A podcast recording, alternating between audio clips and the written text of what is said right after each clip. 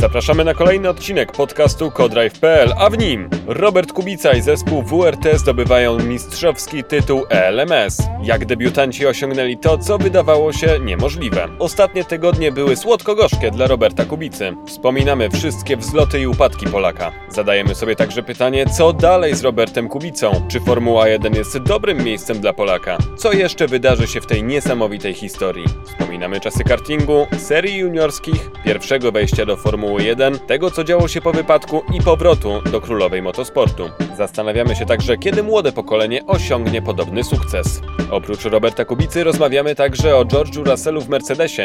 Toto Wolf zapewnia, że nie będzie powtórki z 2016 roku. Jaki ma na to plan? A na koniec wyruszamy do Rosji. Czy podczas najbliższego Grand Prix Mercedes w końcu zostanie zdetronizowany? Zapraszamy.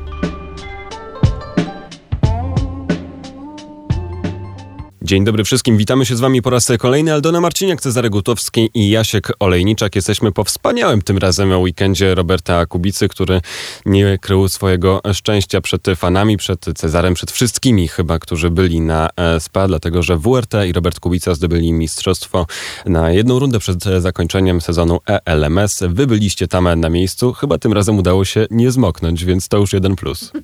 O tak, o tak. Ja byłam przygotowana, parasole, zimowe kurtki, kurtki. Zresztą prognozy pogody też e, pokazywały, że na spa może być e, zmiennie i miały być przelotne opady. Nic z tego się nie sprawdziło w pełnym słońcu. Ostatecznie w stabilnych warunkach odbył się ten weekend. No i na koniec słońce wyszło dla WRT. Ładnie zawinęłam? Pięknie. Poezja, ale przede wszystkim wydaje mi się, że dla kibiców, dlatego że mieliśmy otwarte trybuny e, w ten weekend, co się bardzo fajnie sprawdziło i na tych trybunach może nie było aż tak dużo ludzi, ale było niemało i był całkiem niemały ruch. E, na wjeździe na tor. I to, co najważniejsze, na tych trybunach przeważały biało-czerwone flagi, więc fakt, że się wszystko złożyło jeszcze w taką całość, że akurat w tym wyścigu, no, gdzie tak naprawdę myśląc rozsądnie, nikt zespołu nie oczekiwał e, na serio, że mogą wywalczyć tytuł w tym wyścigu, to fakt, że się wszystko zapięło właśnie na SPA, wydaje mi się, że jest fajnym takim zakończeniem e, no, kilkutygodniowych dramatycznych dość wydarzeń. Dramaty, pamiętajmy, to nie tylko negatywne, tak? Dra dramat może być też jakby, komedia to też dramat, mm -hmm. co tu zrobić. E, tak, począwszy od tego, to może akurat e, bardziej tragiczny wątek, ale od tego straconego zwycięstwa w Le Mans, do czego też Robert znowu nawiązywał ostatnio w naszej rozmowie. Potem e, trzy wyścigi i dwa strzały takie Roberta starty w Formule 1, czyli niespodziewana taka niespodzianka, która wyszła naprawdę fajnie i dobrze. No i na koniec e, kolejny weekend, podczas którego podczas którego Robert i jego zmiennicy, tak, bo to jest oczywiście tak, cały zespół zgarniał mistrzostwo w kategorii LMS w debiucie, co warto podkreślić. Mi się wydaje, że tym jest trochę taka ukryta pułapka, bo to trochę w pewnym sensie może dla lejka dyskredytować ich osiągnięcie, że tam tak weszli do jakiejś kategorii leszczy i ich porozstawili po kątach, ale tak nie jest. To jest bardzo dobrze, bardzo mocno obstawiona kategoria. Zespoły, które tam startują, to są zespoły Mistrzostw Świata przecież przede wszystkim. To są główni rywale. Eee, byli e, teamu WRT, Orlen Team WRT. Roberta, Luisa de, Deletraz i, i Faye. No, naprawdę stawka kierowców bardzo mocna E, znana nie tylko z wyścigów e, długodystansowych, no na przykład Nick de Vries w tej stawce się znajduje, czyli kandydat Mercedesa na starty w Formule 1, prawdopodobnie taki dość odległy, ale jednak i wielu innych byłych kierowców e, Formuły 1, czy po prostu w tej orbicie Formuły 1 ze sprintów. Tak więc bardzo mocna stawka, jeśli, jeśli chodzi o zespoły, jeśli chodzi o kierowców i, i mieliśmy to wejście właśnie WRT do tej kategorii z w LMP2 i oczywiście debiut Roberta, debiut Ifeja, debiut Luisa i, i, i mistrzostwo. Też wyjeżdżone, no, znowu, to, jego siła nie polegała na jakiejś super prędkości samochodu, bo to też Robert powiedział w że rzadko się zdarzało, żeby mieli najszybszy samochód na torze. Natomiast długi dystans to jest coś, czego my się też uczyliśmy e, podczas, podczas tych miesięcy i podczas tych weekendów. Są też wyścigi, w których ten sukces i prędkość, zwycięstwo czy mistrzostwo kryje się w bardzo wielu różnych e, czynnikach. To jest coś, o czym zresztą mówiłem chyba już, o tym rozmawialiśmy nieraz, bo to jest taka moja teoria już od dawien dawna trzymana w głowie, że im dłuższy jest dystans danej imprezy, czy to jest e, wyścig, czy to jest na przykład rajd, tym mniej decydująca jest ta ostateczna prędkość na jednym okrążeniu i, umiejętność wyciągnięcia ostatniej tysięcznej sekundy na jednym przejeździe, a tym ważniejsze stają się wszystkie czynniki poboczne, których w motorsporcie jest bardzo dużo. I, a WRT miało wszystko, czyli mieli wystarczająco szybki samochód, zawsze bardzo dobrze przygotowany, gdzieś na pierwszą trójkę, najdalej piątkę w, każdym, w każdej rundzie. Miało trzech rewelacyjnych kierowców, którzy się świetnie pokrywali na różnych polach, mieli pomysł na to, jak to rozegrać. No i cały czas podtrzymuję, że asem w rękawie zespołu był e, Robert, mm, który zresztą nawet ostatnio, jak rozmawialiśmy, powiedział, że, że ten, że jemu się podoba w e, Endurance to właśnie to, co się dzieje po drugiej stronie garażu, tam gdzieś na zapleczu, czyli te wszystkie kwestie dotyczące właśnie jakieś tam planowania, wyścigu, strategiczne, tego typu rzeczy. E, Tam się dzieje ta rozgrywka, a nie podobało mi się to, że ma za mało jazdy. Hmm. Tydzień temu, jak e, wyruszaliście dopiero na SPA, to Aldona tak mnie uspokajała, że spokojnie, spokojnie, to jeszcze nie jest wyjazd po mistrzostwo, że jeszcze wszystko się może wydarzyć, więc myślę, że tym większa radość była tam e, na miejscu już po zakończeniu wyścigu. Jest takie ładne nagranie, gdy Robert biegnie przez pit lane do ekipy i widać, że jest taki niesamowicie uradowany. Ty, Cezary, wielokrotnie podkreślałeś, że po Robercie po prostu widać, kiedy ona się faktycznie e, cieszy i no chyba tutaj nie ukrywał tej radości. Nie, nie, zupełnie. W sensie takim, znaczy on generalnie nigdy ra- radości raczej nie ukrywa, tylko on ją w takich różnych momentach tonuje. No ja nigdy nie zapomnę, jak Robert wygrał Grand Prix Kanady i z jednej strony widać było, że jest to dla niego tak sytuacja niecodzienna i widać było, że się bardzo cieszy. Z drugiej strony od razu z tyłu głowy pojawiła się ta troska o to, co wiedział, że się wydarzy, czyli o to, że BMW odpuści walkę o mistrzostwo i ten ostatni, nigdy tego nie zapomnę, bo byłem na tej konferencji przecież i ja jak Robert, zamiast się skupiać na tym właśnie, jak, jaki to uczucie i w ogóle, jak do tego do, dochodził do tego momentu, jakie to niesamowite, mówił o tym, że ma nadzieję, że będziemy walczyć, że to może być ostatnia e, szansa, żeby walczyć o to mistrzostwo i tak dalej, że on ze swojej strony na pewno nie odpuści i to był taki apel już taki, nie, nie wiem, nie wiem czy myślenie życzeniowe, tylko taki, nie wiem, jakaś próba odwrócenia tego, co wiedział, że się wydarzy, e, czyli po prostu totalnego odpu- odpuszczenia walki o mistrzostwo, co było degrengoladą dla całego zespołu, moim zdaniem moralnie, nie? To, to był jeden z czynników, który doprowadził BMW Zauber do tego, że w kolejnym sezonie było fatalnie. Bo ludzie przekonali się, że mimo tego, że włożyli ogromne wysiłki, że wkładali w to serce, że dali z siebie wszystko, to ich szefowie odpuszczają walkę o mistrzostwo. To naprawdę bardzo źle zadziałało na całą ekipę. Więc, więc w tamtym momencie te, te, te, takie no, Roberta podejście i to takie przy, namawiali go, żeby został, e, żeby został, e, żeby przełożył lot i został i świętował to zwycięstwo. Robert nie, wsiadł do samolotu, mówi, muszę lecieć e, do domu, wracam do domu. I teraz powiem szczerze, że w tym wywiadzie akurat, który wisi na moim YouTubie, to dopiero jak go spisywałem, żeby, żeby do publikacji, no bo jak, jak go przeprowadzam, dużo rzeczy się dzieje, wielu rzeczy nie zauważasz na bieżąco po prostu, no bo tutaj musisz powiedzieć wywiad, tutaj to się wszystko dzieje live, nie jesteś w stanie wszystkiego tak na dobre przetrawić, szczególnie kiedy się dzieją takie rzeczy. I dopiero jak go drugi raz oglądałem, spisując go, zobaczyłem, jakie rzeczy mi tam Robert powiedział i w jaki sposób. A ten moment, w którym Robert mówi, że, że, że ten, że ja go pytam, jak jak będzie w Portugalii, on mówi, a jeszcze, że chce podziękować, że kibicom, że było tyle flag i tak dalej. Dużo gestów w stronę kibiców, dużo machania do kibiców, dużo wskazywania palcem na kibiców z podium, co było też super. I że Robert sam z siebie y, dziękuję kibicom. Ja mówię, to ja tobie też, bo, bo to y, też mi przekazują właśnie czytelnicy, że pozdrów Roberta, powiedz, że, ta, że, że wspieramy Roberta i, i, i, i mówię, więc ja mu to przekazuję, a Robert tulimy i ręce wyciąga, że, że tulimy ty, tych kibiców. To było coś takiego absolutnie wyjątkowego, więc nawet jeżeli to nie jest najwyższa kategoria na świecie, a jednak jest to bardzo mocna kategoria, generalnie jeśli chodzi o endurance, o endurance jedna z najmocniejszych na świecie generalnie, to cały czas e, jakaś satysfakcja i radość z tego, co się wydarzyło, promieniowały z Roberta chyba mocniej niż kiedykolwiek po jego innych sukcesach, sukcesach jakie ja widziałem. Myślicie, że ten sukces w LMS jest e, ważny dla Roberta z punktu widzenia jego kariery i jego przyszłości? To w jakiś sposób go ustawia w tej rzeczywistości motosportowej, czy to jest po prostu coś, co dobrze dla niego prywatnie, e, że się wydarzyło, ale tak w szerszym kontekście to za bardzo nie zmienia jego sytuacji?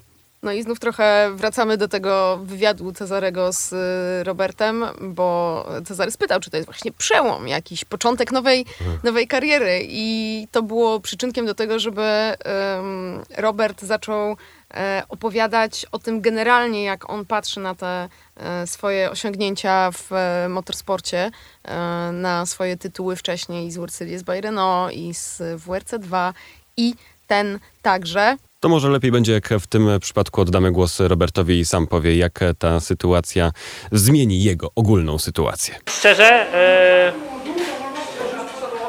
nazywanie tego przełomem to jest trochę takie, często się używa tego słowa i jakby często e, ludzie e, po prostu sobie nie zdają sprawy e, na jakim poziomie ja się ścigam od e, kilkudziesięciu lat. E, i, I jakby e, to nie jest tak, że e, sezon bez zwycięstw lub sezon bez, bez jakby rezultatów na papierze to jest sezon stracony. E, dlatego też na początku powiedziałem, że tak, fakt jest, że minęło trochę czasu od kiedy ostatni raz wygrywałem e, mistrzostwa. Był to 2013 rok. Tak naprawdę wygrywam mistrzostwa średnio co 8 lat. E, 2005, 2013, 2021. No tak. No widzisz, nawet nie wiedziałem. Mój szczęśliwy numer jest u- u- e, 8. E, Może po prostu mogłem sobie wybrać jedynkę i bym wygrywał co rok, ale to jest takie pół sery. E, Fakt jest taki, że myślę, że to nie, nie będzie wspomnienie dla, wspomnienie dla mnie, ale e, też dla kibiców. E, I i e, też myślę, że wiele osób sobie zda sprawę e, tak naprawdę co zrobiłem w motorsporcie przez ostatnie kilkadziesiąt lat, dopiero jak przestanę jeździć i, e, i, i na pewno e, na pewno nie będzie to łatwo, żeby e, żeby coś zrobić. Tak naprawdę myślę, że ciężko też mieć kierowcę, który potrafi wygrać tu, tu i tu, ponieważ e, ja wygrywałem e, e, w wyścigach sprinterskich, wygrywałem OS-y czy też rajdy na wysokim poziomie. Wygrałem LMS i gdyby nie awaria, e, bym wygrał debiutując pierwszy raz jadąc Le Mans, który jest e, jedną z największych e, wyścigów e, motorsportu na świecie. I myślę, że byłby to jeden z historycznych momentów nie tylko dla mnie, ale dla polskiego motorsportu. Niestety nie było to nam dane, ale tak jak mówię, to są wyniki, a jeśli ktoś chce porównywać, to ja stawiam mój powrót w 2019 roku chyba wyżej niż te wszystkie wyniki. Tylko po prostu mało ludzi po prostu sobie nie zdajemy sprawy z pewnych rzeczy. I to są takie słowa Roberta, które muszę powiedzieć, że mi mocno zostaną w pamięci naprawdę, bo faktycznie mm, boję się tego momentu, w którym Robert e, przestanie jeździć, bo będziemy bardzo, bardzo długo czekać na kolejnego zawodnika w sportach motorowych, który będzie osiągał takie sukcesy. No, o takiej wszechstronności to już w ogóle, to już, e, to już, to już nie mówię. Natomiast e, rozmawialiśmy wczoraj o tym z Cezarem, właśnie o tych e, sukcesach, które widać Roberta i o tych sukcesach, które nie zostały tak bardzo docenione. Cały czas mamy poczucie, e, bo Cezary był, był, był najbliżej, ja też e, z, z, przy tych, e, przy przygodzie Roberta w WRC i cały czas mamy poczucie, że to, że to było ogromnie, ogromnie niedocenione. Co Robert jako kierowca wyścigowy, wyścigowy, Myślę, osiągał w rajdach. za bardzo, nie? Bo jeżeli mam przejść karierę Roberta, to być może to, z czego ludzie sobie nie zdają sprawy, nie chcą docenić, to jest to, że na długo zanim usłyszeli o kimś takim jak A, Robert mhm. Kubica, na długo zanim usłyszeli o tym, że ten Kubica to może wejść do Formuły 1 albo że wchodzi do Formuły 1, Robert miał na swoim koncie największe polskie sukcesy w historii polskiego sportu wyścigowego. I to było na poziomie kartingu i to było by far, jak to mówią po angielsku, czyli to, co on osiągnął w, w światowym kartingu, było zdecydowanie daleko poza to, co osiągnął jakikolwiek inny kierowca przed nim i po nim, w, tylko w światowym kartingu. Bo mówimy tu o międzynarodowych mistrzostwach Włoch, czyli najsilniejszej lidze kartingowej świata, gdzie do dziś każdy kierowca, który wam marzy Formuły 1 i chce przejść najbardziej kompletną drogę i najlepiej się wytrenować w ogóle, wyćwiczyć do startu w Formule 1, to on musi w tym kartingu jeździć. Nie mówię, że wygrywać i zdobyć mistrzostwa, ale przynajmniej jeździć i być zauważony, jeździć w czołówce, tak? Dlatego jeżdżą tam młodzi. Tak jeszcze jak wywołałeś ten karting, to nie mogę sobie przypuścić tej okazji. Na, e, podczas ostatniego weekendu, gdy byłem na rallycrossie, poznałem jednego z kierowców, który kończył karierę swoją kartingową w Polsce, kiedy Robert już osiągał pierwsze międzynarodowe sukcesy i przyjechał na zawody do Biłgoraja, to były lata 90. E, I mówi, że nie zapomni tego do końca życia, dlatego że wtedy to przyjechał już potężny zespół Roberta Kubicy, bo były dwa samochody transportowe, to jak na polskie warunki to było naprawdę coś mega dużego. Przyjechał Robert Robert z dwoma wózkami, więc to już w ogóle zdublowane e, szczęście, do którego mało kto miał e, dostęp. I nie zapomnij rozmowy z ojcem Roberta, który e, przed wyścigiem mm, przekazał Robertowi, że słuchaj, przez 12 okrążeń jedziesz w środku stawki dopiero na czterech ostatnich będziesz atakował. Tylko po to, żeby nikt nie zarzucił ci, że sprzętem wygrywasz. I faktycznie co do kółka po 12 okrążeniach Robert zaatakował i wygrał te zawody. I nikt nie miał mu do zarzucenia tego, że jest jedynie e, wybustowany na podstawie sprzętu. Taka to mała inne- anegdota. Inne sł- słynne to, jak Robert wspominał, że ten, że pojechał trening i patrzy na ten, na listę czasów, patrzy na górę, im wyżej, tym bardziej się niepokoi, że go ciągle nie ma. I widzi, że jest na szczycie i ojciec biegnie i tam wyklina, coś ty zrobił już. Nie teraz. Takie to były czasy. No to w ogóle pod- podbicie tego rynku kartingowego to jest znowu niesamowita historia, no bo tam po 3-4 ru- startach we Włoszech skończył się budżet, mimo że tak świetnego początku. No ale to już te historie myślę, że większość kibiców Roberta zna. Jak nie zna, zapraszamy do nie, Niezniszczalnego, tam jest to opisane po prostu w biografii Roberta. Naszego autorstwa, nie chwaląc się. Więc mamy już na poziomie kartingu. Potem mamy wejście do Formuły Renault y, 2000, y, no i tam mm, wicemistrzostwo Włoch w drugim sezonie, w, przez dwa sezony bardzo ciężkie w samochodach jednomiejscowych, gdzie, to też opisane w Niezniszczalnym, gdzie Robert był ewidentnie spychany na numer dwa ze względu na układ taki polityczno-wizerunkowy, jeśli chodzi o te kategorie Renault i to jest do, dość dobrze udokumentowane przez świadków sytuacje, w których było, było to bardzo oczywiste, także, że, był, że te jego skrzydła były podcinane. E, Potem w Formule 3 zwycięstwo na, w pierwszym starcie w ogóle w debiucie na Norrisringu. Poprzednio Senna wygrał swój debiutancki wy- wyścig w Formule 3. Na, w najwyższej kategorii Formuły 3 dodajmy. Robert wraca do, do ścigania. E, Wszyscy kierowcy mają ze sobą trzy rundy, czyli po sześć wyścigów. On wchodzi do samochodu z ręką, która pi- pięć tygodni temu była operowana w ciężkiej operacji, że mu musieli wstawiać szynę z e, nogi, z uda, żeby z, z, złączyć e, przedramię, bo, bo tak były rozległe obrażenia i on wsiada i wygrywa wyścig, swój pierwszy w Formule 3 e, i kilka innych zwycięstw. Roberta występy w Macau Grand Prix, takie nieoficjalne mistrzostwa Formuły 3. Każde jedno, przede wszystkim dwa drugie miejsca. E, No, to, to wszystko są ogromne sukcesy. World Series Bahrain, wszystko zanim jeszcze wchodzi do Formuły 1, zanim Robert ściga Formułę 1, star- ściga się na tak wysokim poziomie międzynarodowym, że żaden Polak tam nie doszedł i w ogóle i tam nie wszedł. I tak samo to dotyczy też Formuły 1, bo są takie laickie op- opinie, że tak to my Januszowe z całą sympatią do wszystkich porządnych Januszy, że no po co te pieniądze, to może innego niech wezmą i wrzucą. Tylko ludzie sobie nie znają, nie mają bladego pojęcia, nie zdają sobie sprawy, że po dziś dzień nie ma żadnego kierowcy, który nie jest nawet blisko tego, żeby móc się starać o to, żeby zdobyć superlicencję, żeby móc się potem starać o fotel Formuły 1. Że nawet nie ma ni, ni, blisko, ni, blisko nikogo, kto byłby w stanie formalnie zacząć mm, się starać nie, o to, żeby jeździć w Formule 1, że jest tylko jeden Robert Kubica, gdzie jest zupełnie te, co to za, za kategoria. E, ludzie nie rozumieją, e, bo ktoś powie, no ale mes, co to, za, co to za, za kategoria? No proszę bardzo.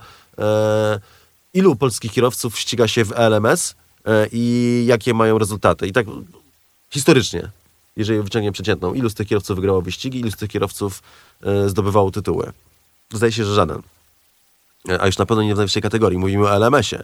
Mamy owszem dwa polskie zespoły, mamy Euro, Euro, Inter Europol International, tak ba, bardzo fajny, przepraszam, jestem chory. Inter Europol Competition, tak? czyli nasz zespół, z którego możemy być dumni, bo to jest siła rosnąca, potęga.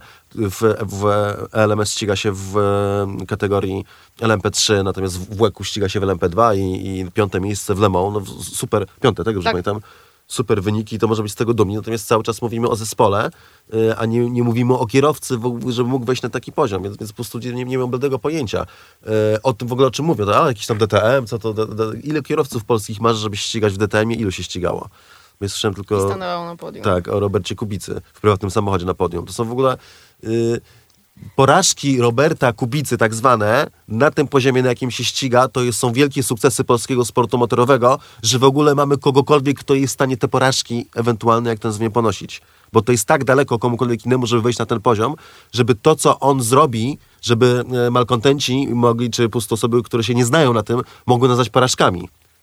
To nie, nie ma drugiego takiego Polaka. I do tego dochodzi jeszcze oczywiście historia rajdowa, przepraszam, bo przerwałem ci Aldona, ale wydaje mi się, że to trzeba zacząć od początku, tak, tak, która, tak, ja zacznę, mo- może jeszcze mogę, mogę, mogę się kontynuację, bo to żeśmy razem obserwowali w dużej mierze. E, o tym piszę i mówię nieraz i o tym napisałem też w Niezniszczalnym, że e, dla mnie największym przejawem geniuszu Roberta jako kierowcy to jest to, co zrobił w WRC. Czyli znowu dla przeciętnego zjadacza chleba, yy, który nie za bardzo siedzi w tym sporcie, a nawet tacy, co siedzą, nie? Bo w sensie jest sporo takich yy, fanów yy, głównie naszego polskiego rajdowania, którym się, w, w, którzy myślą, że WRC to jest takie szybsze, to, to RSMP, nie? W sensie, że to takie, tak jak nasze, tylko że trochę szybsze. Bez bladego pojęcia, jak to jest, jak, jak to jest ogromna różnica. Jak to jest ogromne skoro różnice. Dla mnie to, co Robert osiągnął w rajdach przez te swoje trzy sezony startów, to jest największe świadectwo tego, jakim jest genialnym kierowcą. Bo to jest wejście do totalnie innej kategorii. To nie jest tak, że to są samochody i to są samochody.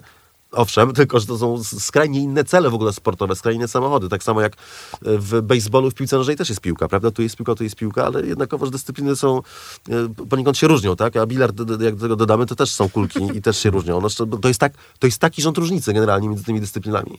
I to, co Robert tam trzasnął w te trzy sezony, typu Mistrzostwo Świata WRC 2 w pierwszym sezonie startów, często dyskredytowane, dyskredytowane też przez środowisko, e, kompleksy, zawiść.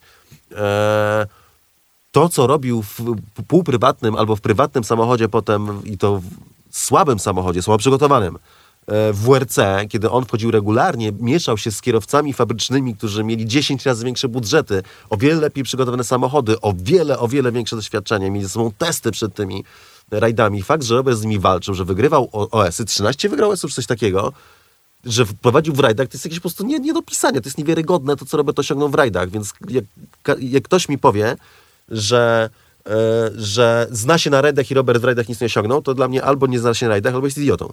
No bo nie, nie ma innej, nie ma trzeciej drogi. Przepraszam, bo znowu się rozgadałem. Nie, bardzo dobrze, bardzo dobrze. Rzeczywiście, rzeczywiście e, to, o czym wszyscy mówimy, sprowadza nas jeszcze dalej do roku 2019 e, i do powrotu do Formuły 1, do czegoś, co właśnie na poziomie rajdów naprawdę mało kto wierzył. E, Cezary wierzył, koledzy z rajdów patrzyli na niego jak na idiotę wtedy. Naprawdę, przysięgam, tak było. E, tak, tak bardzo pobłażliwie, że mówi, no tak, tak, no to lubisz Roberta przez te lata, no to wiadomo, że tak mówisz, a Robert, mm, a Cezary zawsze nie. Słuchajcie, normalnie bym powiedział, że to jest niemożliwe, ale to jest Robert, więc, Tak. więc, więc tutaj standardowe mm, prawidła nie, nie, nie obowiązują. E, no i właśnie, ten rok 2019, do którego teraz też wracamy w związku z tymi występami Roberta Kubicy na Zandvoort i na Moncy.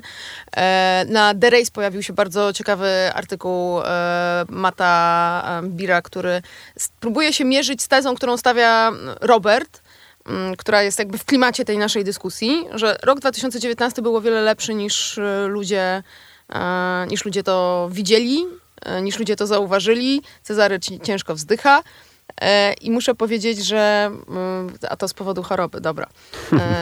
I muszę powiedzieć, że, że, że całkiem podoba mi się rzetelność, z jaką, z jaką The Race i no było nie było brytyjski autor do tego, do tego podeszli, bo z jednej strony przypomina wszystkie te sytuacje, w których e, Robert czuł, że no, nie jest e, właściwie traktowany, sytuacje, w których e, zabrano mu przednie skrzydło, z którym czuł się o wiele lepiej, w sytuacje, w których wycofano go z e, wyścigu dla e, oszczędzania części. Z drugiej strony, jeżeli mówimy o e, kwalifikacjach, oczywiście Robert wszystkie kwalifikacje z e, Russellem przegrał, natomiast późniejsze występy Russella, też to, co Russell był w stanie zrobić w Mercedesie, no też dają trochę jakąś perspektywę na, na zderzenie kierowcy, który e, nie był w Formule 1 przez e, x lat, e, z kierowcą, który jest mistrzem Formuły 2 i no, który ma za sobą to momentum i sukcesów i wjeżdżenia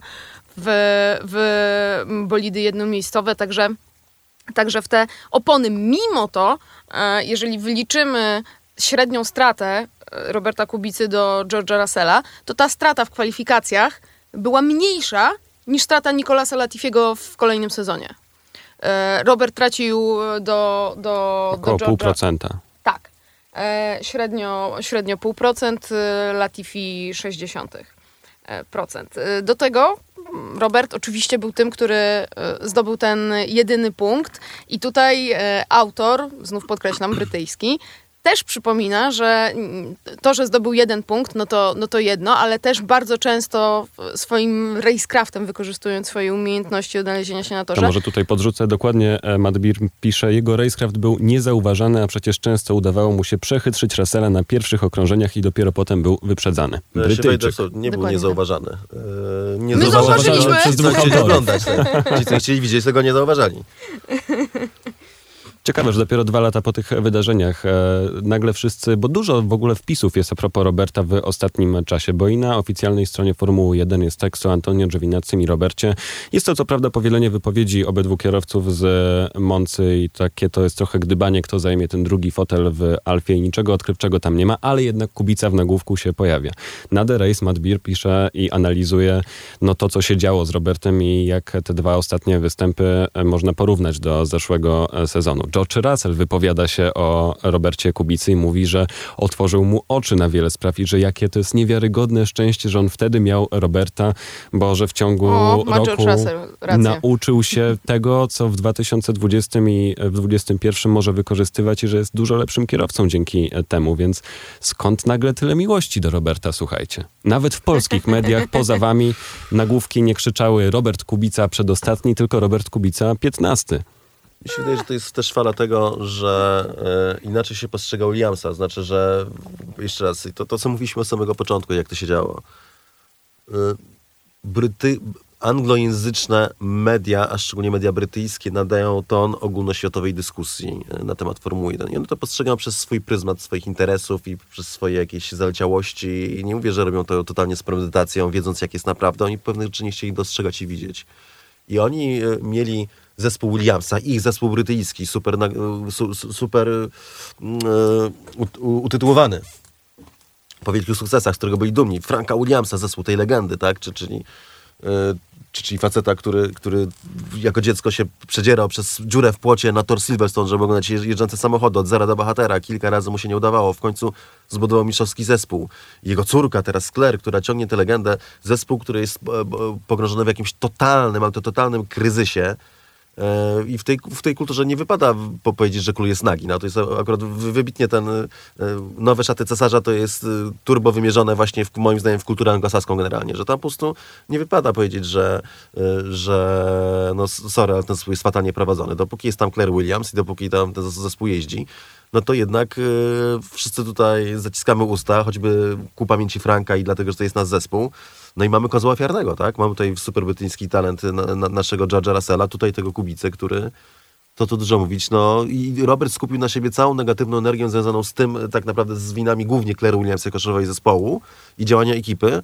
Skupiła się na Robercie, który do tego jeszcze wraca po długiej przerwie, co I nie powinno mieć ręka. miejsca. I na koniec ta ręka, nie? Co już gdyby Robert e, się okazało, że jest w stanie jeździć tempem tak i walczyć jak równy z równym, co było widać w kilku różnych momentach, co nie, dopiero teraz ktoś zauważa, tak, Matt Beer dopiero w tym momencie, to by było dla wielu osób takie trochę, no, dla Formuły 1 nie za dobre, nie? Że co to w takim razie, że to, to by niby oznaczało, że, że, że, że ta Formuła 1 wcale nie jest taka trudna, jeżeli można nie mieć pełnej sprawności w rękach i robić takie rzeczy. I to się wszystko nałożyło. A teraz mamy czas, w którym no, mamy odwilż tak zwaną, czas, w którym Claire Williams już od dłuższego czasu nie ma w padoku, w którym mamy nowych inwestorów, w którym, w którym mamy nowego szefa.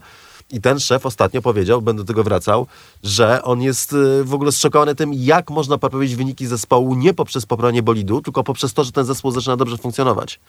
I nagle już nie ma tej legendy Claire, nie ma tego naszego Williamsa, Franka Williamsa. y, Jakby ten ciężar gatunkowy znika. Natomiast nagle znowu pojawia się Robert w obrocie. Robert, który prawie wygrał Le Mans, Robert, który ma to mistrzostwo w LMS, Robert, który w tym sezonie, co prawda, w, tych wolnych treningach to nie miał za bardzo okazji się pokazać. Natomiast w zeszłym roku pokazywał się i to z naprawdę ze świetnej strony. Eee, I Robert, który wszedł na dwa wyścigi z rezerwy i poradził sobie minimum bardzo dobrze. Czyli nagle te, ten Robert z 2019 roku, zapamiętany przez tą kulturę anglosaską, nagle jest innym człowiekiem, innym kierowcą. I kiedy nie ma już z tyłu tej Claire, której trzeba będzie spojrzeć w oczy, i nie trzeba bezpośrednio po prostu pisać, bo oni tego nie robią. Nie mówią, że po prostu zespół był w stanie fatalnym że to była wina osób, które go prowadziły. Nie, nie, nie, ma potrzeby w te rejony wchodzić. To możemy od, od odcięcia tego ciężaru wejść i zacząć zauważać, że jednak ten, ten Robert Kubica to jest jednak jakiś bohater, tak? Że to jest osoba inspirująca, że to jest kierowca z, z najwyższej półki. A z punktu widzenia e, naszej polskiej perspektywy, Jasiek też o czym e, wspomniałeś, mam wrażenie, że po prostu e, uświadomiliśmy sobie, że to nie jest tak, że jeżeli nie Kubica, to ktoś, ktoś, ktoś, ktoś, ktoś. Nie, my nie jesteśmy Wielką Brytanią, nie jesteśmy Niemcami. Zakaliśmy. Jeśli nie Robert Kubica, to nikt. I em, Znaczy odpukać, nie? Bo w sensie teraz No jest tak, młoda oczywiście. fala młodych kierowców, teraz mamy tak sukcesy w Formule 3 b- brytyjskiej, czy teraz to się nazywa GB4, tak? ja mam na myśli, ja mam na myśli tę Ale to perspektywę jeszcze ostatniego... bardzo daleko, żeby w ogóle myśleć o Formule 1 i o sukcesach na tym poziomie, na jakim Robert jeździ. Mam na myśli perspektywę tych ostatnich 20 miesięcy, Mhm. bo gdy kończył się rok 2019, to może wiele osób przyjęło to z ulgą, bo to już były, było, było w tym dużo frustracji i dużo, No. i dużo męczarni. Próba charakteru. E, i do, natomiast potem się okazało, że przez kolejne 20 miesięcy cały czas Robert Kubica jest tym, który jest najbliżej Formuły 1. E, więc, e, więc gdy się z powrotem pojawił w tym fotelu wyścigowym, to doceniliśmy to bardziej, bo przez te 20 miesięcy po prostu tego nie było. 20 miesięcy to jedno, ale przez 10 lat przecież czytaliśmy nagłówki, mówię o tych e, mainstreamowych mediach, gdzie głównymi e, hasłami było Robert znowu wypada z trasy, kolejny nieudany weekend Roberta. No przecież takich nagłówków było 10 na nie, ale faktycznie ten, był, był, był ten y, jakby obiegowy dowcip, jak, jak wypadł Robert Kubica. Z jednej strony, jakby tak, z punktu widzenia Lejka to było nawet takie zabawne, natomiast nie z punktu widzenia osoby, która tam na miejscu była i która to obserwowała.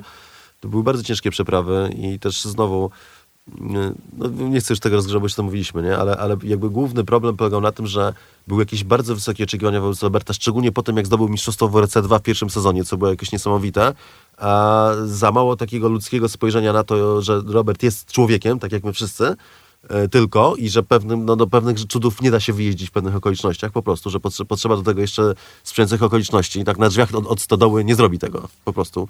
Nie, nie będzie w stanie tego talentu pokazać i, i wykorzystać. No i przede wszystkim jakiś taki w ogóle e, no, brak miary, szczególnie w takiej ogólnej e, spojrzeniu, a nawet osób, które się interesują motorsportem, ale nie siedzą w rajdach za, za bardzo, że to, na co Robert się porwał jeżdżąc w WRC, to jest w ogóle niewiarygodne i to, co on tam osiągnął. I teraz wystarczy, zobaczyć, ilu innych polskich kierowców, bardzo dobrych kierowców, próbowało lub dziś próbuje i startuje w WRC, w jakich jeżdżą kategoria, i, kategoriach i jak ciężko jest im walczyć z różnych powodów.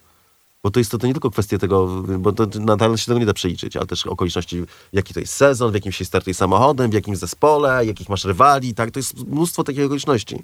To jest w, ogóle to, co robił. Wszystkie błędy Roberta i wszystkie jego, jak dzisiaj wypadł Robert Kubica, było absolutnie normalne, yy, biorąc pod uwagę jego stan zaawansowania. A jeszcze, jeżeli byśmy chcieli obserwować innych kierowców, to równocześnie startował taki zawodnik jak Chris Meek, zwycięzca zdaje się pięciu rajdów, kierowca fabryczny w tamtym czasie Citroena, który jakby rajd wypadania z rajdów miał większy niż Robert.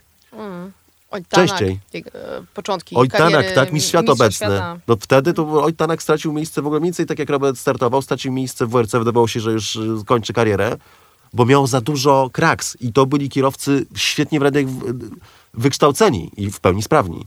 Więc teraz przykładanie tej miary i w ogóle ostatecznie jak na to spojrzeć i mówienie, że Robert w tych rajdach to zawiódł, to jest, szczerze mówiąc, jest to, dla mnie jest to oburzające wręcz. Znaczy inaczej, albo ktoś się nie zna i to może sobie myśleć tak po prostu, media tak to kształtowały, też nie znające się. Natomiast jeszcze raz, jeżeli ktoś mówi i jest święcie przekonany, że zna się na rajdach i nie jest w stanie tego docenić, to albo ma, kryje się w nim jakiś rodzaj zawiści, co też było dużo w środowisku jakby moim zdaniem odbite, że tutaj przychodzi taki kubica ten z wyścigów jeszcze w naszym tu środowisku robi takie, takie rzeczy i wcale nie jest taki dobry. Albo jest, no, ma problemy jakby z inteligencją, nie? To ja tylko, e, jeśli mogę, na koniec dodam, miałam ostatnio taką zaskakującą e, dyskusję, z której się wycofałam. Natomiast niech to e, może będzie jakaś puenta z osobą, i to mnie zadziwiło, która bardzo dużo czasu spędza przy wyścigach. I tak pewnym momencie siedzimy, siedzimy i ja słyszę, no ale właściwie to co Robert osiągnął? No nie, nie jest... Nie, jak, mistrz, mistrzostwa świata nie zdobył. To z zagranicy była osoba? E, nie, z Polski. Mistrzostwa świata nie zdobył. E, nie jest mistrzem olimpijskim. E, to, to tak właściwie jak, jak popatrzeć na rezultaty, no to polscy sportowcy osiągnęli no, dużo więcej. Czy to był tak, radiowiec może? Nie. No tak, no. Natomiast no i, i, ja tak siedzę i myślę sobie, Jezus Maria, chłopie. Jak ty nie masz pojęcia, o czym mówisz. Jak ty nie masz pojęcia, o czym mówisz. Więc y, to tak a propos tych sukcesów Roberta Kubicy, tych y, widocznych w wynikach i tych niewidocznych w wynikach. Em, no, No motor, To ale wielkie. że zakończysz, w ogóle może od tego trzeba zacząć, ale to chyba wydaje mi się, że nasi słuchacze to wiedzą. Motorsport jest tak się bardzo odróżnia od innych sportów, że y, kwestie sprzętowe są po prostu ultra decydujące. I nie tylko, że jak ci, jaki masz konkretny bolid, ale kto ci go przygotowuje, jak go przygotowuje, analiza danych, tego, to, jest bardzo skomplikowany sport, więc to nie jest tak, że nic nie umując sportowcom, czy, czy nie wiem, czy lekkoatletom, czy, czy, czy piłkarzom, że, że robisz, trenujesz, przykładasz się, jesteś, masz super talent, po prostu chociaż w, akurat w piłce też trzeba trafić do dobrej drużyny, ale jak jesteś mega dobry, to cię wyciągną po prostu. To nie jest tak, że trafiasz w okoliczności, nie dostajesz najlepsze trampki, y, jakie można sobie dostać, tak, i skaczesz wyż, wyżej niż wszyscy pozostali. To nie tak działa w motorsporcie i dlatego właśnie tak ciężko jest wypatrzeć te super talenty w motorsporcie. To nie jest e, t- takie proste i dla, dlatego też e, mamy tak wiele historii kierowców, którzy na przykład robili, mieli ogromne sukcesy w kategoriach juniorskich, e, typu Nick Heidfeld, nic nie mówiąc, bo świetny kierowca, ale jednak nie na tym najwyższym poziomie, e, czy Nico Hulkenberg, którzy potem wchodzili do Formuły 1 i nigdy nie wygrali wyścigu, a w przypadku Hulkenberga nawet nigdy nie stanęli na podium, co nie było zbiegiem okoliczności.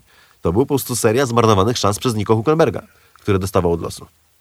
Czyli tak już zmierzając do końca tej całej epopei o e, Robercie, Nie. czy mamy jeszcze jakieś, może nie oczekiwania, ale czy dzisiaj, znając e, te osiągnięcia Roberta, jego sytuację, jego wsparcie Orlenu e, i biorąc jeszcze poprawkę na ostatnie doniesienia od Alfy, że ten Chińczyk cudowny wcale nie ma takiego dużego wsparcia, jak wszyscy tutaj plotkują i że jeszcze decyzja nie zapadła co do drugiego miejsca, to jaka Roberta jeszcze czeka przyszłość? Czy to już jest bardziej skłanianie się po właśnie na tą może drugą stronę i bardziej zarządzaniu, byciu rozwojowym kierowcą i skupieniu się na jakichś tego typu aspektach, czy jeszcze trwa walka o jakieś e, faktycznie czempionaty?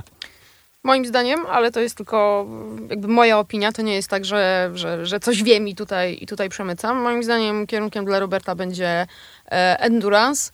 Em, najwyższa kategoria, wygranie mm, może Mistrzostwa Świata WEC, e, wygranie Le Mans.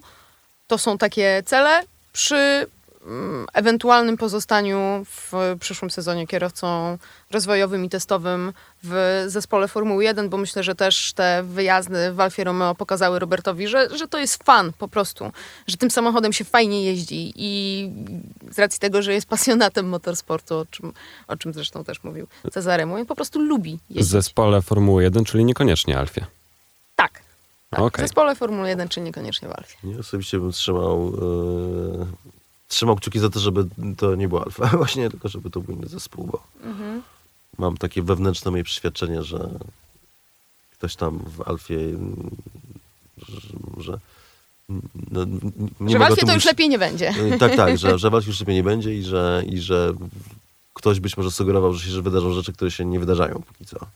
E, więc w związku z tym być może tak Orlenowi zależy na tym, żeby być, żeby mieć komunikację przy Formule 1 generalnie. Skoro im zależy, żeby mieć tam komunikację i budować brand międzynarodowo, no to też super by było mieć polskiego kierowcę. Jest tylko jeden polski kierowca, który ma e, takie papiery, żeby w ogóle być w Formule 1 w jakiejkolwiek roli. Nie ma żadnego kierowcy, jak już mówiliśmy, który jest nawet blisko tego, żeby móc się starać.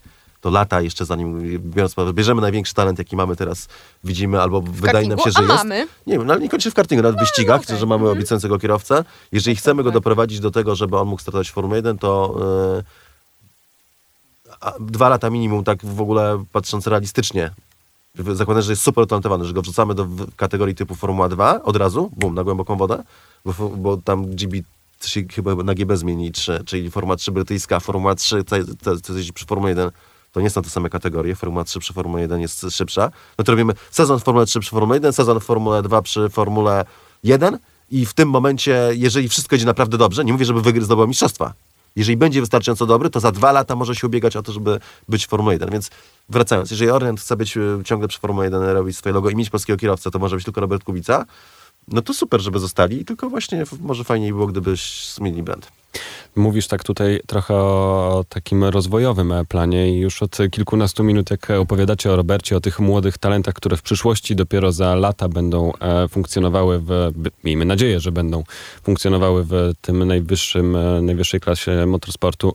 Czy wy czujecie też, że nadchodzi moment, w którym musicie ponowić trochę drogę, którą odbyliście z Robertem, że tak jakby na was też spoczywa może nie tyle co misja, ale też jesteście współtwórcami na pewno sukcesu Roberta, no bo przekazywaliście ludziom Nie, informacje o tym. No, jesteście Nie skromni, więc e, No okej. to nie ja jeżdżę. Ale, ale ja oczywiście, Robert to jeździł, ale bez komunikacji medialnej kierowcy nie mają lekkiego życia i bez przekazywania światu e, tego, e, co się osiąga na torze i bez wsparcia przede wszystkim medialnego. Cezary Jasiek pyta o te wszystkie momenty, w których Robert był jeszcze w kategoriach juniorskich, a ty na wszystkich prywatnych spotkaniach mówiłeś kolegom dziennikarzom, że on będzie w Formule 1, a oni patrzyli na ciebie jak na wariata. Tak, Tak. jak, na, na tak? Ale nie, czy m, macie już, Cezary, wiemy, że masz takie plany, żeby gdzieś pojeździć i popatrzeć na tych młodych kierowców, ale czy czujecie, że więcej będziecie może w niedalekiej przyszłości poświęcać na to czasu, żeby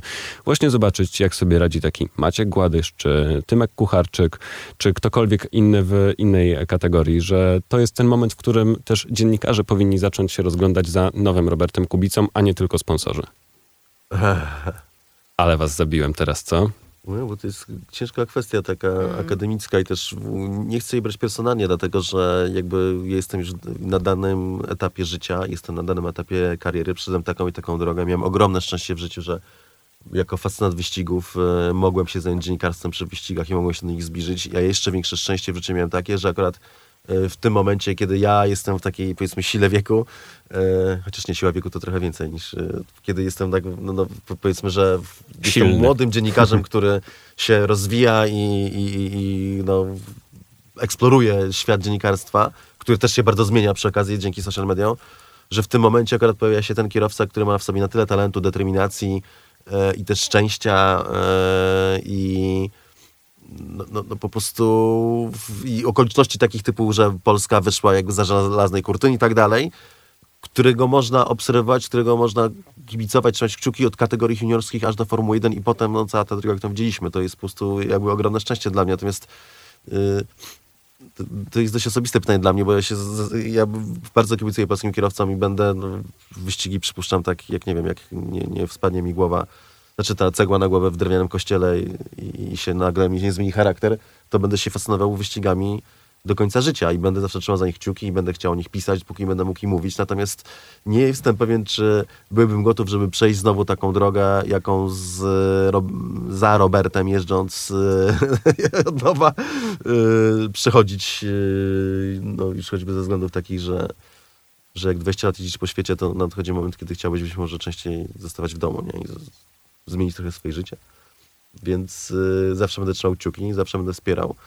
Też dostaję dużo takich pytań, czy dostajemy tak, czy ci młodzi tak, żebyście, wiele osób uważa, że, znaczy nie widzi tego, ile pracy my mamy i mi się wydaje, że to jest takie, o, tu sobie pojedzie, tu, tu, tam, tu, to niech, niech, niech, niech, niech, sobie jeszcze gdzieś pojedzie, nie, i zobaczy tego innego kierowcę, no bo co, skoro sobie już tak jeździ, to nie jest tak. To jest bardzo ciężka praca, e, wymagająca bardzo wielu poświęceń i zabierająca absolutną, no, 90% życia twojego, zostaje ci 10% na życie prywatne i jeszcze musisz spać tym czasie.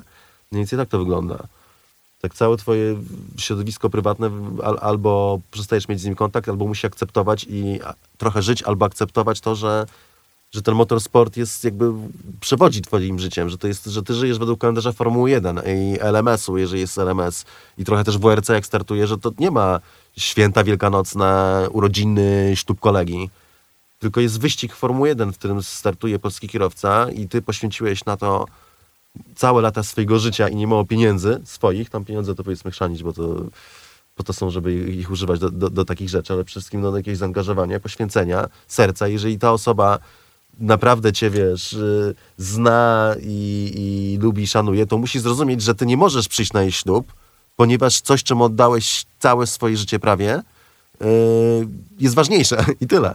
Tak więc Dużo tym wszystkim- wymagamy od, od, od, ludzi wokół nas, to na pewno żyjąc z tym. Ja, my mamy, ja, Tak. ja teraz mam 8 weekendów wyjazdowych z rzędu. Nie mam mnie w domu przez 8 weekendów wyjazdowych, jestem we wtorki, we środy. Przyjaciół swoich y, nie widziałam, pytają, pytają gdzie jestem. Już, już, ja, już nawet ja nie pamiętam. Muszę się chwilę zastanowić, skąd ja teraz wróciłam na lotnisku Tak, czasami ostatnio. się zastanawiasz, tak, gdzie, gdzie ja byłem. Realnie, gdzie ja byłem. Tak, gdzie... ale ja na lotnisku miałam ostatnio Tak, taką, tak, tak. taką, Skąd taką pani- sytuację, skąd skąd pani pani wraca? i ja muszę się chwilę Tak. zastanowić i ten koleś patrzy na mnie.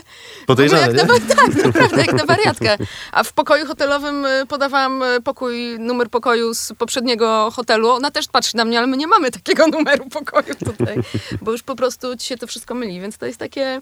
To jest, to jest fajne życie, natomiast no, ono do też jakiegoś ma momentu raz i dwa, że przejść, przechodzi znowu, no ja sobie nie, nie, nie wyrażam, żeby, żeby znowu przez te wszystkie, drogę. Mhm. to wszystko, chętnie bo pojeżdżę i popatrzę, ale już y, może nie Całej wiem, tej drogi zdecydowanie nie, ale zgodzicie się z tym, że ci młodzi kierowcy potrzebują w tym momencie dużego e, wsparcia. Tak myślę, że nawet na naszym polskim podwórku, żeby ktoś sobie uświadomił o tym, że oni istnieją, bo to, że my, którzy jesteśmy frikami sportowymi i słyszymy o takich nazwiskach właśnie jak Gładysz czy Kucharczyk, no to to jest naturalne, ale żeby taki ktoś, kto zna dzisiaj Roberta Kubicę i powiedzmy, że nawet wie, że wygrał jakieś tam wyścigi i mistrzostwa, no to o tych nazwiskach na pewno się przez bardzo długi czas nie Jasiek, dowie. będziemy nad tym pracować. Moim zdaniem to od nas nie zależy. Czyli w sensie, ja, bardzo mi się podoba, jak, jak ludzie zwracają, że o, że czasami ludzie mówią, że Robert ma szczęście, że ja zawsze, ja tak nie, na to nie patrzę, to ja mam szczęście, że mogłem być, bo to była zawsze moja droga, to były zawsze moje decyzje i to było zawsze moje szczęście, tak? Ja po prostu robiłem to, co, czym, moja pasja, nie? To, co kocham i to jest dla mnie honor, że mogłem przejść tą drogę i że Robert tam był, żeby móc mu kibicować, tak? I, i patrzeć i śledzić i, i tego doglądać, ale ja to uważam, że jakby, tak jak wracając do tego punktu wyjścia, że moja rola czy zasługi są zerowe. Ja po prostu e, i tak samo będą zerowe w, w przypadku każdego innego kierowcy. Znaczy, ja mogę y, faktycznie i, i robię tak, tak? Ostatnio mamy, mamy cykl programów, że z, różnymi z różnych dyscyplin, z różnymi zawodnikami e, rozmawiamy i teraz mamy plany, żeby to robić. I chęt, bardzo chętnie robimy to, natomiast na dłuższą metę to nie zależy od nas. Niestety. W żadnym stopniu. Eee, kierowca, który chce przejść taką drogę i i dostać się do Formuły 1, to są już inne czasy niż za, za czasów Roberta. Musi mieć nie tyle talentu co Robert, bo talent jest niemierzalny, ale moim zdaniem ciężko jest trafić kogoś, żeby z, mielibyśmy wielkie szczęście, gdyby w Polsce ktoś taki się odnalazł. Bo pewnie są takie osoby, ale się odnalazł akurat, żeby być w sporcie motorowym, żeby o tak ogromnym talencie jak Robert, żeby móc tę drogę przejść, nie musi być taki, może być trochę mniejszy.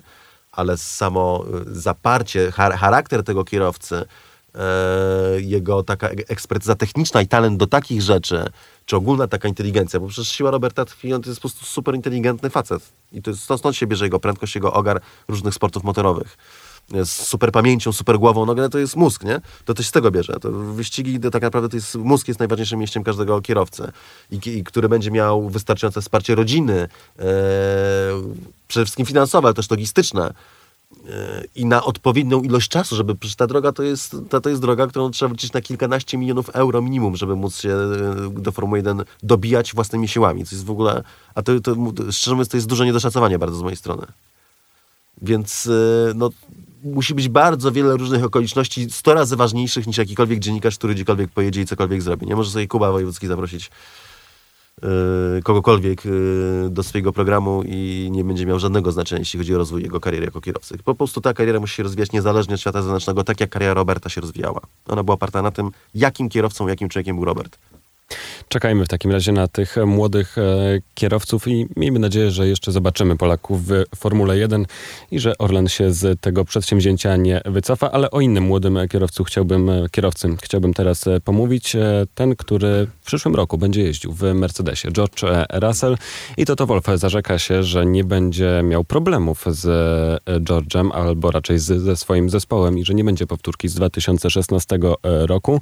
E, Toto Wolff mówi, widzieliśmy w przeszłości sytuacje, w których e, się nie udało pogodzić dwóch kierowców. Lewis e, brał udział w jednej z nich, w której, jak sądzę, zespół nie do końca rozumiał, jak to może się potencjalnie potoczyć.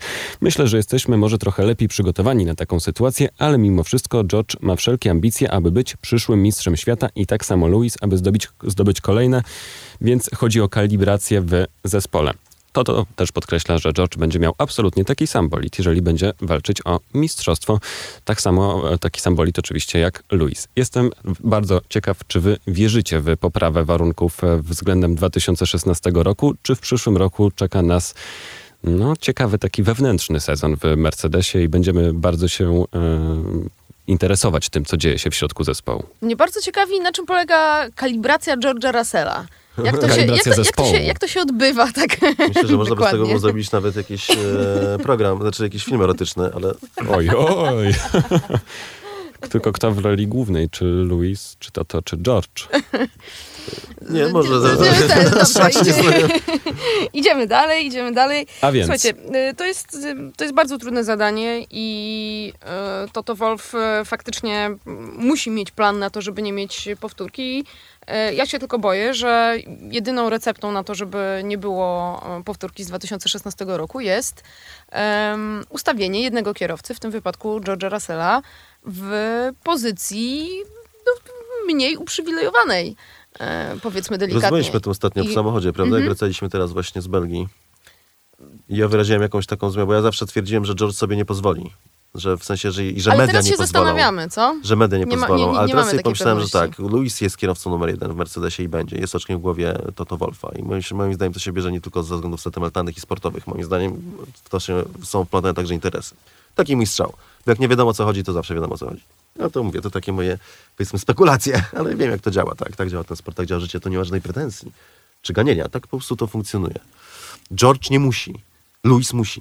Jeżeli i w interesie e, Mercedesa, w interesie Toto Wolfa, moim zdaniem, jest to, żeby Lewis Hamilton zdobył ós- ósmy tytuł Mistrza Świata. Jeżeli go nie zdobędzie w tym roku, a będzie dalej jeździł w Formule 1 i Mercedesie i Mercedes będzie w stanie, to moim zdaniem Toto i Mercedes zrobią wszystko, żeby on ten ósmy tytuł zdobył, bo George będzie miał jeszcze czas, a, a Luis nie. Więc oni nie zrobią takich numerów jak z Walterim, moim zdaniem. Nie będą kazali mu oddawać pozycji, ale mają 100 różnych innych zagrań, które też praktykowali na Botasie, żeby zawsze sprawić tak, żeby żeby jednak e, ten, co kogo chce mieć z przodu, żeby był z przodu. Więc to, to będzie bardzo taka ruchoma materia i to będzie, ba, ba, bardzo wiele będzie zależało na, przykład od tego, jak się sezon zacznie. Wy- Wyobraźmy sobie, że George Russell wygrywa pierwszy wyścig, a Lewis Hamilton go nie kończy, bo się zderzył z Maxem Verstappenem. A w drugim e, wyścigu e, Lewis Hamilton, e, nie wiem, ma awarię, coś tam mu nie wyszło podczas kwalifikacji, a George Russell znowu startuje z pole i wygrywa drugi wyścig. Mamy dwa wyścigi, George Russell ma komplet punktów, a Lewis Hamilton ma mało punktów.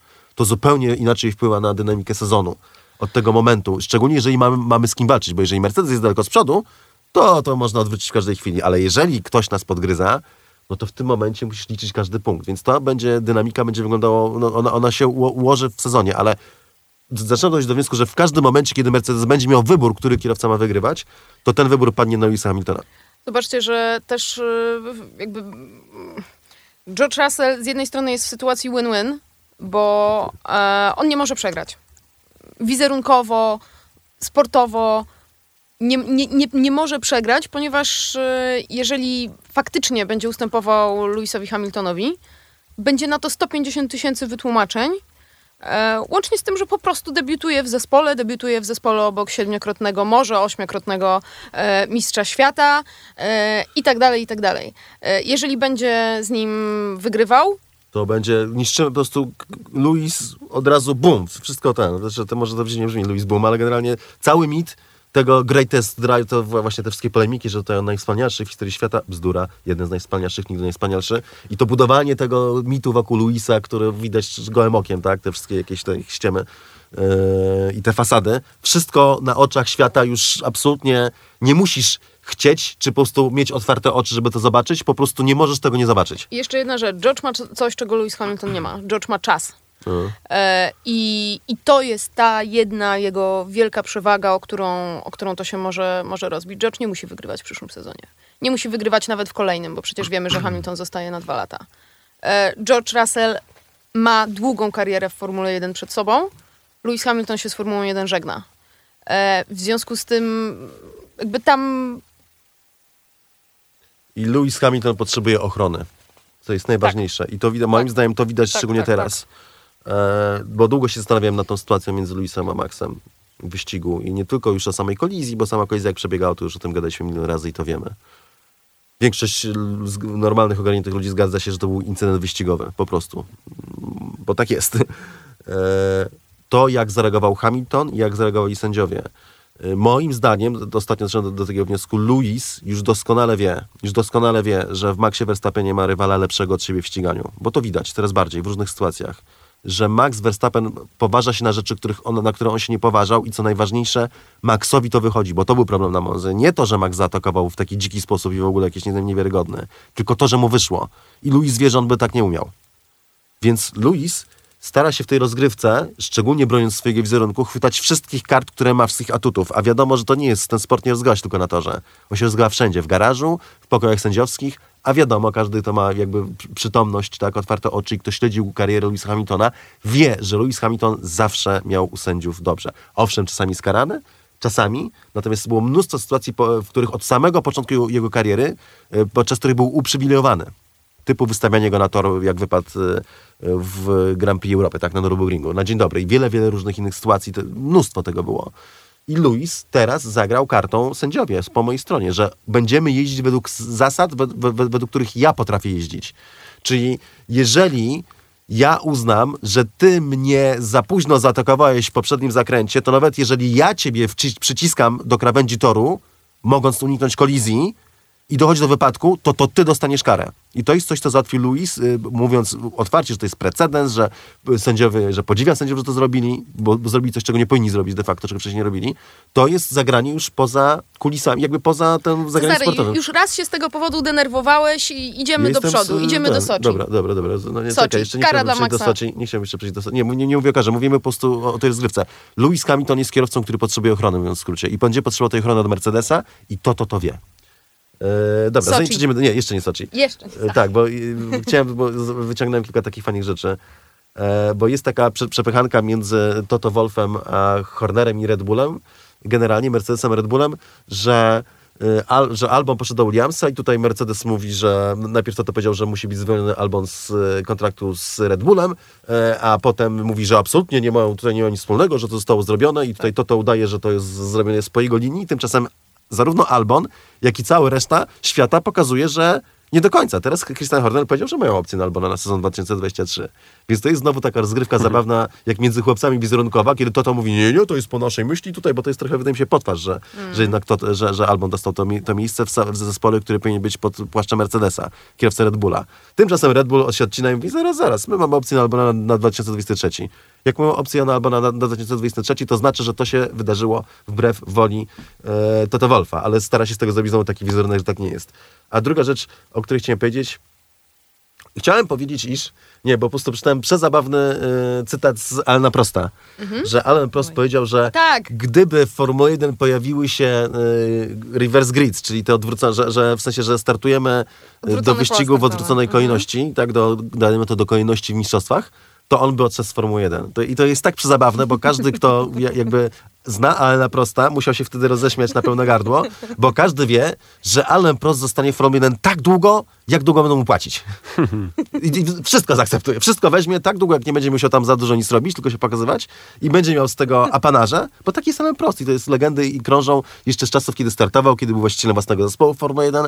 Tak długo y, zdzierży to, więc bardzo chciałem teraz zobaczyć wprowadzenie reverse grids tak bardzo, jak nie przepadli. do ani zagrywki, które tam się e, odbywają, ale polećmy faktycznie w tej chwili do Soczi, do Rosji i zastanówmy się przez moment, co tam się może wydarzyć, bo teoretycznie wszyscy stawiają na Mercedesa, max minus e, trzy pozycje na e, starcie. No i co wy na to? Rzeczywiście Soczi historycznie jest e, torem Mercedesa, torem Walteriego Bottasa w szczególności, natomiast e, ten sezon wymyka się pewnym prawidłom, więc tutaj e, ta sytuacja może wyglądać inaczej. Natomiast z punktu widzenia Red Bulla to e, zastanawiam się tak naprawdę nad jedną rzeczą, czy e, po pierwsze, czy ta kara przesunięcia trzech o trzy pozycje na starcie jest e, faktycznie karą bardzo dotkliwą. Wiemy, że tam e, na starcie bardzo ważne znaczenie ma wciągnięcie się w strugę aerodynamiczną do drugiego zakrętu, więc e, tutaj nawet to cofnięcie e, nie musi być taką złą informacją koniecznie dla Maxa Verstappena. Natomiast e, idzie za tym jeszcze, e, jeszcze druga kwestia, czy w takim razie, skoro i tak Max Verstappen jest przesunięty na starcie, to może w takim razie weźmy kary silnikowe i startujmy tutaj z końca stawki, skoro i tak to przesunięcie następuje, a spodziewamy się, że prędzej czy później kary silnikowe trzeba będzie wziąć. No i tutaj e, tak naprawdę mm, dwa argumenty w tej dyskusji. Po pierwsze, e, to, co też troszeczkę już sygnalizowaliśmy tydzień temu, są lepsze tory, na których e, można wziąć te kary, bo są tory, na których można bardziej mm, wyprzedzać, łatwiej. I e, Meksyk, Interlagos. E, natomiast e, problem jest inny. Cały czas nie mamy stuprocentowej pewności, że Meksyk, Interlagos się odbędą. Owszem, słyszymy zakulisowo, że tak, że wszystko, co już jest zaplanowane do końca roku w kalendarzu Formuły 1 się odbędzie. Natomiast no, sytuacja pandemiczna jest dynamiczna i, i nikt sobie w tej mm. chwili nie da za to, rymuję, wiem, mm. nikt nie, nie, nie da sobie w tej chwili za to ręki uciąć. W związku z tym Red Bull może mieć jeszcze jedną myśl w głowie. Jeżeli sytuacja się jakoś e, drastycznie pogorszy, może będzie mniej wyścigów, może uda się tymi silnikami, które mamy ten sezon e, dojechać. No ja uważam, że nie powinni, nie powinni brać na zapas kary silnikowej, powinni postanowić dopiero w tym momencie, kiedy będzie już na 100% wiadomo, że nie dojeździmy tych wyścigów i być może czekać na sytuację, kiedy to po prostu, że, bo, bo może się okazać, że teraz dadzą karę silnikową i, i stracą na starcie, a potem się okaże, że i tak, tak czy inaczej będzie jakiś weekend, podczas którego coś nie pójdzie i tak będą startowali mhm. z tyłu. I stracą tylko dwie okazje zamiast jednej, więc moim zdaniem powinni tak długo, jak mają czym jechać, powinni jechać po prostu z tymi silnikami. Ten weekend jeszcze raz powinien być Mercedesa, ale nie musi, bo ten w tym sezonie jest zbyt wiele zmiennych. Y, Sochi jest torem wyjątkowym i co do zasady Red Bull jest lepszym y, samochodem Mercedesa.